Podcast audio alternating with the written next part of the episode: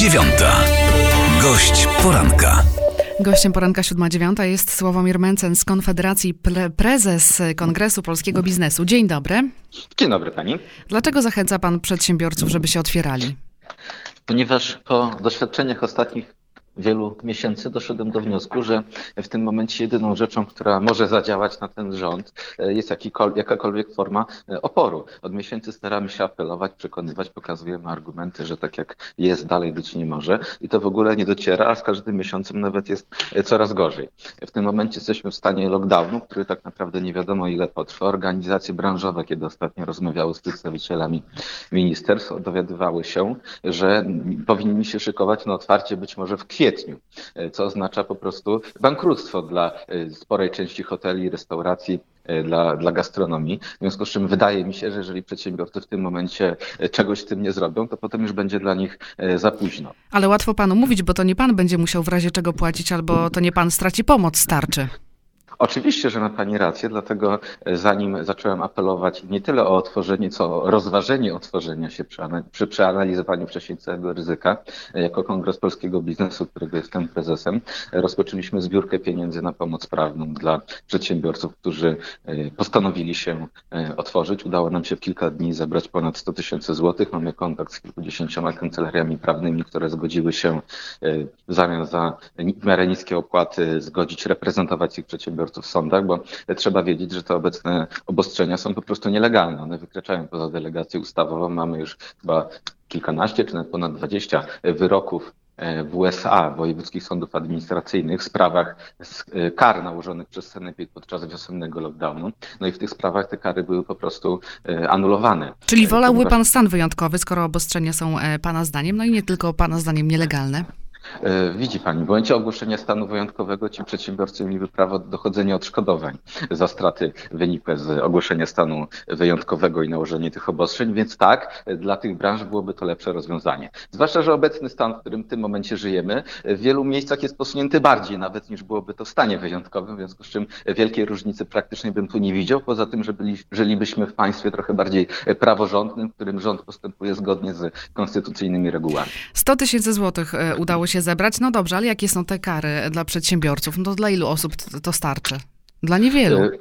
E, nie, no to, to nie jest na poczet kar, tylko na poczet e, obsługi prawnej, tak żeby tych kar nie było. Jeszcze raz powiem, że wszystkie wiosenne te kary, które zostały zaskarżone do USA, zostały uchylone. A co jak inny sąd utrzyma karę? To pan zapłaci? No. Oczywiście, że nie zapłacę. A, no właśnie. Dla mnie. Z tego powodu A, właśnie, właśnie no apeluję. No właśnie. jeszcze raz, z tego powodu apeluję o rozważenie otworzenia przy znajomości całego ryzyka, o którym oczywiście informujemy. E, stworzyliśmy też broszury informacyjne dla tych przedsiębiorców, żeby wiedzieli, jak należy zachowywać się w trakcie kontroli i z jakim ryzykiem się to wiąże. Ale mało o tym ryzyku słychać, więcej słychać o tej zachęcie do otwierania się. Nie no, za każdym razem poprzedzam to informacją o ryzyku. Zresztą mamy chociażby nasi posłowie też, którzy interweniują właśnie w tych e, restauracjach, które są nachodzone przez policję i sanepid. E, często są zapraszani tam, to najpierw informują restauratorów, żeby wiedzieli, na jakie ryzyko się piszą. Zresztą ja bardzo bym chciał, e, żeby to nie było jednostkowe przypadki, żeby, tylko żeby to była akcja masowa, bo w momencie, w którym restauracje by się masowo otworzyły, no to rząd nawet nie miałby możliwości nałożenia tych wszystkich kar, bo na szczęście nie ma tylu urzędników w sanepidzie, ale chyba na razie nie jest to jeszcze akcja otworzyły. masowa, chociaż niektóre tak się, się otwierają. A ilu przedsiębiorców się już do Pana zgłosiło? O pomoc. Pamiętam to, to coś około setki, e, ale to, sytuacja jest bardzo dynamiczna. Ale więc... już o pomoc, bo kary dostają? Czy, czy... Nie, nie, nie. E, są takie, które rozważają otworzenie się, są takie, które już się otworzyły, już miały wizytę z Senepidu. To wiele spraw jest na, na różnym etapie zaawansowania. Mamy nadzieję, że kolejne branże się do tego przyłączą. Wiemy już, że Federacja, Polska Federacja Fitness w poniedziałek ogłosiła, dzisiaj chyba ma mieć konferencję prasową, że się otwierają 1 lutego, e, a ta federacja zrzesza też te największe sieciowe, e, sieciowe kluby fitness, więc mamy nadzieję, że w tym momencie do takiego trochę bardziej masowego e, powstania przedsiębiorców dojdzie, ponieważ jeżeli nie teraz, to kiedy? No rząd nie może przedsiębiorcy nic gorszego zrobić, niż po prostu zabronić mu prowadzenia działalności gospodarczej, więc jeżeli to nie jest moment na powiedzenie stop, to znaczy znaczy, że, że tego momentu nigdy nie ma i że e, przedsiębiorcom wszystko można zrobić bez żadnej reakcji. Czyli pan podburza trochę przedsiębiorców, a dla pana to był dobry rok, o czym pan na Facebooku napisał, dla pańskiej E, firmy. Dla mnie to był bardzo dobry rok, najlepszy w historii, tylko ja mam kancelarię podatkową, której tym lepiej się wiedzie, im więcej rząd podatków nakłada. W związku z czym to jest bardzo zły wyznacznik i bardzo zła ocena obecnego rządu, że kancelarie podatkowe sobie tak bardzo dobrze radzą. Bym chciał, żeby kancelarie podatkowe były praktycznie niepotrzebne, a żeby normalny biznes mógł sobie dobrze radzić. Ale z tego, co pamiętam z naszych rozmów, to pan na początku e, te tarcze dobrze oceniał. W miarę dobrze. Tak, tylko my rozmawialiśmy o tarczy wiosennej, e, która była powszechna. W tym momencie ta pomoc jest punktowa w zależności od tego, jaki przedsiębiorca ma kody PKD. I teraz okazuje się, że wiele branż, które zostały zamknięte, nie otrzymuje tej pomocy. Przedhotele otrzymały pomoc, a pensjonaty nie. Jeżeli ktoś ma restaurację, a e, nie jest to jego główny kod PKD, bo zajmuje się też czym innym, albo wcześniej zamawiał się czym innym i nie dopatrzył tego, to, to, to nie otrzymuje takiej pomocy. Zresztą też ta pomoc, y, ona była dobra na ten kilkudniowy, kilkutygodniowy wiosenny lockdown. A w tym momencie, kiedy zamknięcie trwa wiele miesięcy, y, no to są absolutnie nie ta skala pieniędzy, która jest potrzebna przedsiębiorcom, żeby przetrwać. Premier powiedział, że w ciągu 10 dni zostaną wypracowane protokoły sanitarne dla branż fitness i dla gastronomii, no chyba po to, żeby otworzyć. Pan już nie wierzy premierowi. To znaczy, wie pani, ja pamiętam, że miało nie być wy- jesiennego lockdownu. Cała władza mówiła, że drugi raz tego nie zrobią.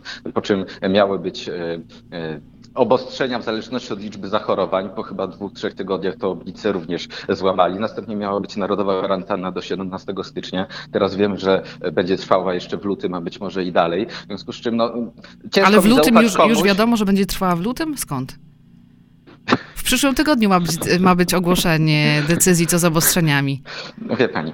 Czy ma pan jakieś kiedy- tajne dane tu? Ja mam Przedstawi pewną, e, może nie tyle tajne, ale mam pewną metodę rozumowania. E, Otóż nasz rząd ogłosił, że będzie narodowa kwarantanna e, po tym, jak Niemcy ogłosiły, że ten lockdown przeciągnął na styczeń. Po czym Niemcy go przedłużyły do końca stycznia, to my też go przedłużyliśmy do końca stycznia. Teraz w Niemczech został przedłużony co najmniej do połowy lutego. W związku z czym, jeżeli ten trend się utrzyma i nasz rząd dalej będzie po prostu kopiował ruchy niemieckie, e, no to tak, to on zostanie przedłużony do lutego. Zresztą e, był wywiad z panem ministrem Niedzielskim, w którym on wyraźnie powiedział, że w pierwszej kolejności będą otwierane szkoły i być może handel, e, a restauracje i kluby fitness na samym końcu. W związku z czym, jeżeli to nic dziwnego się nie wydarzy, jeżeli właśnie przedsiębiorcy się wreszcie nie zbuntują, to tak, ten lockdown będzie trwał jeszcze bardzo długo. Mam wielką nadzieję, że jeżeli teraz pojawi się chociaż troszkę niezadowolenia wreszcie ze strony przedsiębiorców, to w ten sposób uda się wywrzeć jakiś nacisk na rząd, tak żeby on właśnie skrócił czas obowiązywania tych restrykcji. Jeśli przedsiębiorcy się nie zbuntują, za których pan nie zapłaci, to muszę e, o tym przypomnieć. No dobrze, trochę się tutaj e, śmiejemy, ale teraz, e, teraz poważnie. Jak chronić tych najbardziej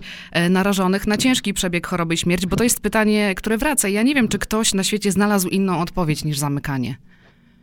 Yy, Jeszcze raz, na przykład Szwecja się nie zamknęła, tak? Ale są, tam, ale są tam limity i w restauracjach i ja nie wiem, czy pan wie, ale pięć dni temu tam uchwalono prawo e, pandemiczne i mogą teraz politycy już wprowadzać tam lockdown, bo wcześniej nie mieli takich możliwości Dobrze, prawnych. Oceńmy rok 2020, tak? W Szwecji w roku 2020 było tam kilkaset, jeżeli dobrze pamiętam, zgonów więcej niż w roku 2018, e, a u nas było najwięcej od II wojny światowej, tak? Liczba nadmiarowych zgonów w przeliczeniu na liczbę mieszkańców w Szwecji jest znacznie mniejsza niż w Polsce. Stopień zurbanizowania w Szwecji jest znacznie większy niż w Polsce. Średnia wieku Szweda jest znacznie większa niż w Polsce. Pod każdym względem tych zgonów powinno być covidowych tam nie wiadomo ile, a wcale ich tak dużo nie ma. Rzeczywiście w marcu, e, w kwietniu, e, z oczy do czego rząd Szwecji się przyznał, e, nie dopilnowali tamtejszych DPS-ów i doszło do bardzo dużej liczby zgonów wśród osób starszych e, w tych domach pomocy, ale po, po, potem dopracowali swoje procedury i już takiego zjawiska nie było. No porównując sytuację kraju, który jest przez wiele miesięcy zamknięty i kraju, który się po prostu nie zamknął, gdzie oglądaliśmy cały czas w internecie obrazki z centrów handlowych w Szwecji, czy też e, z ichniejszych klubów, no, ludzie żyli tam w miarę normalnie i do żadnej hekatomby nie doszło. No, koronawirus nie jest czarną e, jakąś dżumą, e, da się z tym żyć. No ale chyba nie zgadza się pan z Sebastianem Pitoniem z Góralskiego Weta, który mówił, że to jest lekka choroba. No lekka E, dla niektórych, a dla znaczy, niektórych nie lekka wcale, bardzo ciężka. Dla, to jak każda choroba. Dla części osób jest to śmiertelna choroba, dla części bardzo ciężka, dla części powoduje bardzo groźne powikłania, ale dla zdecydowanej większości społeczeństwa jest zupełnie nieszkodliwa.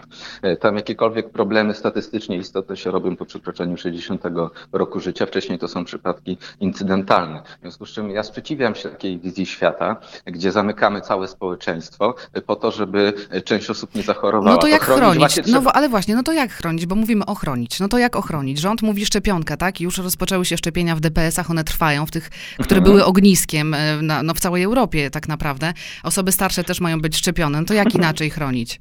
Ale ja nie mam nic przeciwko temu, żeby starsze osoby się szczepiły. Jeżeli mamy szczepionki, które mają tam skuteczność rzędu 90 kilku procent yy, i jeżeli póki co ujawnione powikłania są w miarę, w miarę nieistotne, a o długoterminowych póki co jeszcze nie wiemy, to, to, to, to niech się ci ludzie szczepią. To, to powinno im pomóc. Przynajmniej mam taką wielką nadzieję. Ja nie jestem jakimś przeciwnikiem. Czyli co, do tego czasu nie powinny wychodzić z domu?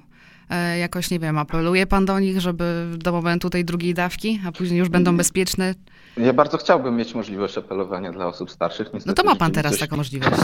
Nie, czy rzeczywistość e, tak wygląda, że, e, że nie mam zbyt wielu kom- kanałów komunikacji. Ale to, to jest kanał. Myślę, że wiele osób starszych nas słucha. To co pan by im poradził, jeśli się boją To zakażenia? jasne mówię to samo, że osoby starsze powinny po prostu się pilnować, unikać miejsc, gdzie jest duże na zagęszczenie osób, unikać miejsc, gdzie, gdzie jest duszno, ciasno. Niech sobie chodzą na spacery e, po lesie albo do jakiegoś parku e, dla zdrowia. Wydaje mi się to właściwsze niż siedzenie e, w domu przez wiele miesięcy. Więc niech dbają o swoje zdrowie, o swoją odporność, no ale oczywiście nie w klubie fitness, nie w klubie nocnym, nie w restauracji. Nie no, myślę, że osoby starsze akurat do klubu nocnego to, to, to No, widzi pani, z jakiegoś niespecjalnie. powodu te kluby nocne zamknięte. Zależy, No co to być może znaczy właśnie- osoby starsze. No bo tam nie można dystansu utrzymać chyba. Pan był w klubie nocnym wie pan, jak to wygląda. No kiedyś byłem, rzeczywiście ciężko. To się niewiele zmieniło. Dystansu, ale kiedy ja tam jeszcze byłem, to osób po 60 roku życia, które byłyby zagrożone COVID-em, to wielu tam nie widziałem. Podobnie na siłowniach. W związku z czym ograniczamy przede wszystkim mobilność osób e, młodych, dla których ta choroba jest niegroźna, a osoby starsze e, da, dalej żyją, że tak powiem. No ale te osoby młode trybie. pójdą do, do rodziców, do, do dziadka i o to, o to chyba chodziło, tak? Wie pani, to gdzie oni pójdą, to już zależy od tych osób i też od tych osób starszych. Więc jeszcze raz, jeżeli jakaś osoba starsza, szczególnie wrażliwa, ma jakieś choroby, które zwiększają prawdopodobieństwo śmierci, to w sposób szczególny powinna taka osoba się o siebie martwić i o siebie troszczyć. Natomiast nie widzę powodu, żeby ograniczać możliwość studiowania studentom albo chodzenia do szkoły uczniom, bo to jestem absolutnie przekonany, w przyszłości będzie miało bardzo złe dla niej konsekwencje. Zresztą widzę po swoim synu, który teraz właśnie wrócił dwa dni temu do e, drugiej klasy szkoły podstawowej i widzę, jak to dla niego było ważne i podejrzewam, że dla większości innych dzieci również. O, jak właśnie, jak po, po, po tym powrocie do szkoły? Dzieci zadowolone? Dzieci strasznie zadowolone. Okazało się, że jednak dzieci bardzo lubią szkołę, że chcą bawić się ze swoimi kolegami, rozmawiać ze swoimi e, nauczycielami, że chcą żyć normalnie. Ja się dzieciom w ogóle nie dziwię, ile miesięcy można siedzieć zamkniętymi w domu i patrzeć tylko w ten komputer. Już widziałem badania pokazujące, że zamknięcie szkół prowadzi do zwiększenia krótkowzroczności e, wśród e, dzieci. Jestem przekonany, że będzie miało negatywny wpływ na ich zdolności społeczne, umiejętność pisania ręcznego. Tego się nie da przecież nauczyć przez komputer. Więc dla młodych, zwłaszcza dla tych właśnie najmłodszych uczniów, taka długotrwała edukacja zdalna to jest jakaś tragedia edukacyjna. No myślę, że psychiatria będzie miała co robić e, już za kilka miesięcy, jeśli nie teraz. A pan się zaszczepi przeciw COVID-19? Jeśli to zbyt prywatne pytanie, to proszę nie odpowiadać. Y, Na razie nie planuję się szczepić, zresztą jak gdybym chciał, to w kolejce pewnie byłbym gdzieś pod sam koniec, więc na razie e, nie ma o czym rozmawiać. Wiem, że są właśnie osoby, które są szczególnie e, wrażliwe na to, osoby starsze i ja swoje miejsce z chęcią im udostępnię. Cały czas jest pan na Twitterze i na Facebooku. E, Uważa pan, że tam jest cenzura? E, Tak, zdecydowanie. Ale nie przenosi się pan na te prawicowe portale. E, Mam konto na Parlerze już chyba już od kilku miesięcy, jeżeli dobrze pamiętam, ale póki co z niego nie korzystam. No dla mnie Twitter czy Facebook to jest narzędzie pracy. Ja muszę pisać tam, gdzie czytają ludzie. W tym momencie ludzie są na Twitterze czy na Facebooku, więc niezależnie od tego, co myślę e, o tych mediach społecznościowych, muszę tam być aktywny. Niestety taka praca. A podoba się panu ten projekt, a raczej na razie założenia do projektu Solidarnej Polski dotyczące mediów społecznościowych? Miałaby powstać Rada Wolności Słowa, do której będzie można się odwołać, jeśli konto nam zablokują, e, która ma nakazać przywrócenie treści. Znaczy tak. e, Jestem przekonany, że media społecznościowe w obecnej formie to długo nie przetrwają. One prędzej czy później zostaną uregulowane. Zresztą Unia Europejska pracuje nad nową dyrektywą Digital Services Act, która właśnie ma uregulować istnienie tych największych mediów społecznościowych. To się po prostu wydarzy, niezależnie od tego, czy w Polsce jakakolwiek ustawa e, powstanie, czy też nie. Następnie w Polsce implementujemy tą dyrektywę, więc jakieś przepisy prędzej czy później e, będą. No w tym momencie media społecznościowe mają olbrzymi wpływ na debatę publiczną i poważne państwa po prostu nie mogą pozwolić sobie na to, żeby jakaś zagraniczna korporacja ustawiała im kształt debaty publicznej. A pan jako państwie. wolnościowiec nie powinien uznać, że jak ktoś sobie Twitter chce sobie kogoś blokować, to, to sobie blokuje? Widzi Pani, są y, branże, które są bardzo ważne dla funkcjonowania danego państwa, a są takie, które są mniej ważne. Na przykład ja nie jestem przeciwnikiem jakichkolwiek regulacji, chociażby w sektorze zbrojeniowym, w energetyce, w bankowości, w bezpieczaniach, w takich najważniejszych, y, najważniejszych dla gospodarki branżach najbardziej kluczowych. Natomiast jestem radykalnym przeciwnikiem tego, żeby uregulowany był y, szef, krawcowa, biuro rachunkowe, adwokat czy inżynier. Tak? Są branże, które, gdzie jakieś regulacje państwowe, chociażby z punktu widzenia interesu państwa powinny No to kto istnieć. będzie o tym decydował? To taka wolność, ale nie stuprocentowa.